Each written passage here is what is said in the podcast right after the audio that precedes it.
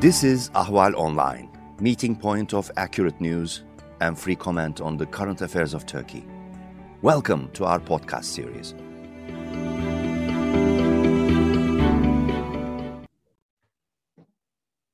Hello, dear Ahval audience. Here we are again here at Ahval's 12 minutes program from uh, Washington, in fact, with uh, Aykan Erdemir, who is Senior Director of the Turkey program at the Foundation for Defense of Democracies. Today, we will talk about the Halkbank case um, trial, which is going on in the US um, and in the US court. And as you know, the Halkbank apply appeal uh, to Supreme Court. So we will talk about it, what will happen next, and will Erdogan regime benefit from this? So uh, welcome, Mr. Uh, Erdemir um, to the program. Thank you for having me. Uh, what do you think about Halkbank's appeal to the U.S. Supreme Court? Uh, what are the latest uh, developments? Now, this is the latest of the Turk- of Turkish President Recep Tayyip Erdogan's delay tactics. Uh, ultimately, uh, for the Erdogan regime, this is a potentially embarrassing case especially if it makes it to a jury trial in the Southern District of New York Court. And uh, at this stage, uh, since Halkbank uh, exhausted all the appeals uh, at the US Appeals Court for the Second Circuit, the last uh, possible delay tactic the Turkish public lender could have used was the Supreme Court appeal. And we were expecting uh, this tactic to be utilized. Uh, but a crucial question was whether uh, the appeals court would allow Halkbank uh, to uh, stop the case while the Supreme Court appeal is continuing. And that is actually what the court ruled for. That is, the Southern District of New York Court uh, will have to stay the course, uh, the case. Uh, so the, the jury trial is now suspended until Halkbank's appeal is resolved at the Supreme Court. So, what about uh, Erdogan uh, regime's plans about it? I mean, will it get away with uh, any punishment, any fees, or what? What? What? What the result can be? What? What's? What are your estimations? Now, at this point, uh, there are two different possibilities. Uh, the first one is, uh, which is often the case for most Supreme Court appeals, is that the Supreme Court will refuse to hear the case. Because each year, uh, you know, six to 7,000 cases make it to the Supreme Court. Uh, but the highest court in the United States uh, often chooses to hear only 1% of these cases. Now, when I talked to some legal experts, uh, they stated that given this case raises some important issues about the Foreign Sovereign Immunities Act. Four out of nine Supreme Court judges, which is the minimum required to hear a case, might eventually uh, ask to hear the case. That is, there is one third of possibility, they argued, uh, that the Supreme Court would hear this case. So if that is the uh, option, then we might be looking forward to a year to two years of uh, you know a lengthy trial process. If the Supreme Court refuses to hear the case, then uh, you know within a few months, uh, the case will be back with the Southern District of New York.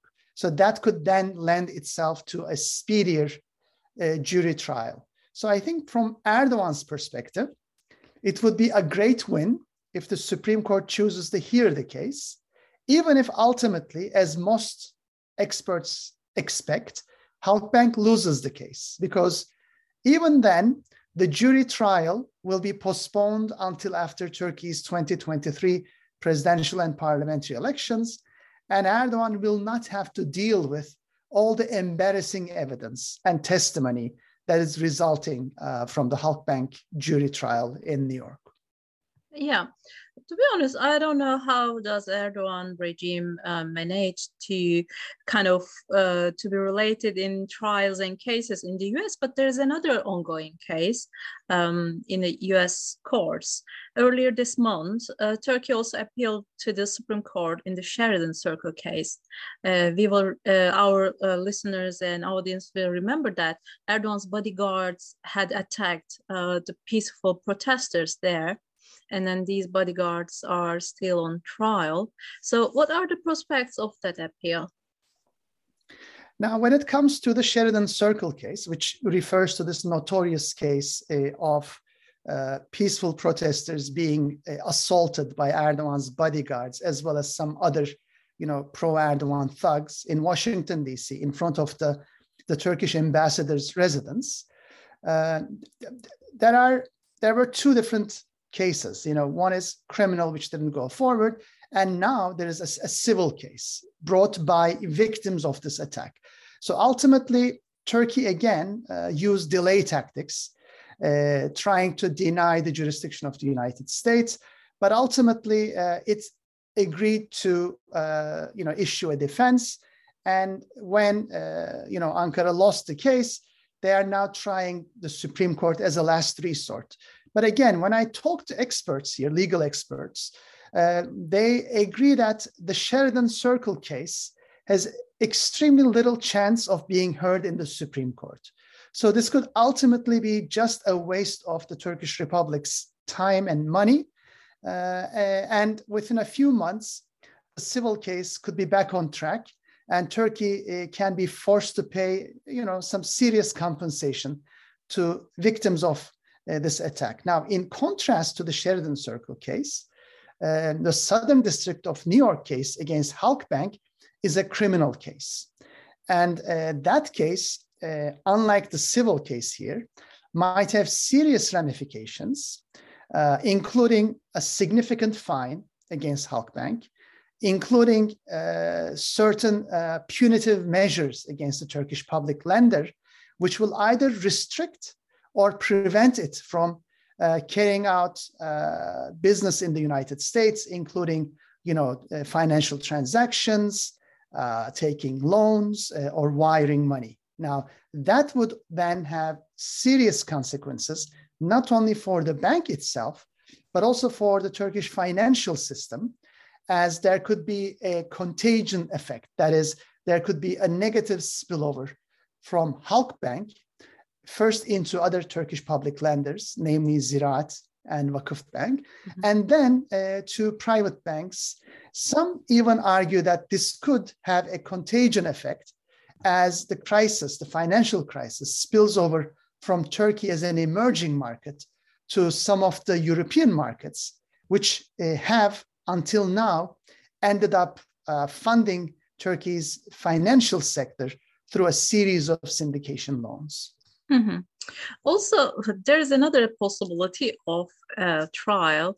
Um, Sezgin Baran Korkmaz, uh, who is called a business person but uh, arrested in Austria, both Turkey and the US had demands uh, for his extradition.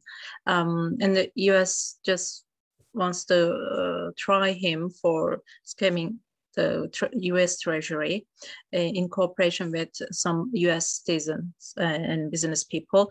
So, is there any chance that there will be another uh, trial that can put Turkey uh, in trouble like the other two cases? Now, definitely, but that depends on what ultimately the Austrian Justice Ministry decides to do. Because in an earlier hearing, the Wels court uh, agreed to Turkey's extradition request. And last week, there was a report in Deutsche Welle Turkish service that the court ruled also to extradite Korkmaz to the United States.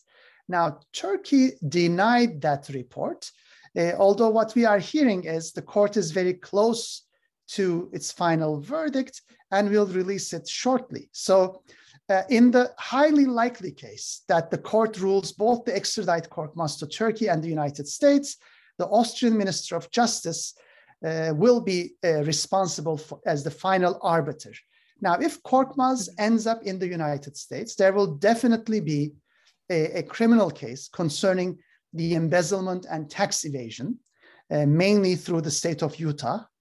Uh, but beyond that, uh, Korkmaz, to avoid a, a, long prison sentence and a hefty fine, uh, could turn state's witness, just like Reza Zarrab, the ringleader of Iran's sanctions evasion network in Turkey. Mm-hmm. And hence, he can start confessing to the whole range of financial crimes he has been involved in together with senior officials, senior Turkish officials. If that is the case, then uh, the Erdogan regime might then face a third embarrassing trial, which has the potential to expose uh, all sorts of sanctions evasion, money laundering, uh, gold smuggling uh, allegations uh, around uh, Korkmaz's various dealings, uh, not just in Turkey and Africa, but all the way in Venezuela. So uh, I think that could also be a, really a landmark case concerning the Erdogan government in the United States.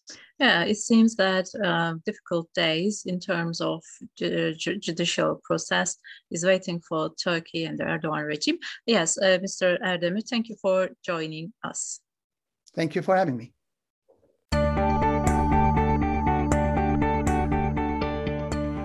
You can follow Ahval News Online podcast series through Apple Podcasts, Spotify, YouTube, Google Podcasts, SoundCloud, and Spreaker. All you need to know about Turkey is here for your ears, mind, and attention. Thank you for listening to our podcast.